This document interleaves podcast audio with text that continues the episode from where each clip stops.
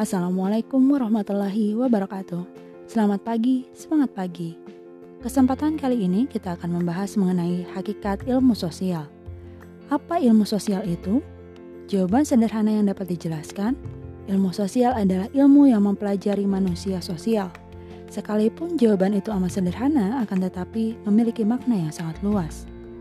Karena adanya penggunaan istilah manusia sosial, a social human beings. Mengapa demikian?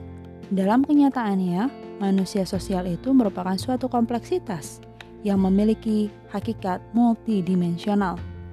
Bukankah manusia itu merupakan makhluk yang syarat dengan sejumlah kebutuhan, needs, keinginan, wants, serta harapan-harapan, hopes?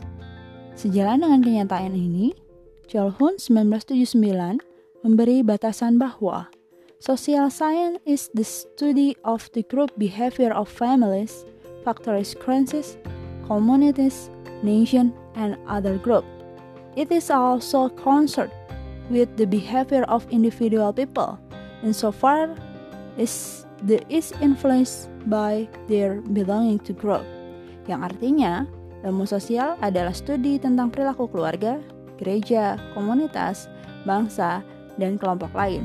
Hal ini juga berkaitan dengan perilaku individu manusia sepanjang dipengaruhi oleh hubungannya dalam suatu kelompok. Dalam pembahasan ini, bisa kita simpulkan bahwa ilmu sosial adalah ilmu yang membahas tentang perilaku seorang manusia di dalam masyarakat dan memperlihatkan hubungan di antaranya dalam suatu kelompok tertentu, baik di keluarga, gereja, komunitas, bangsa, atau kelompok lainnya. Berbagai batang tubuh atau body knowledge, disiplin ilmu-ilmu sosial, diorganisir secara sistematis dan ilmiah. Batang tubuh disiplin itu berdasar sejumlah teori dan generalisasi yang kuat serta dapat diuji tingkat kebenarannya. Batang tubuh disiplin ilmu-ilmu sosial disebut juga struktur disiplin ilmu atau ada juga yang menyebutkan fundamental ideas.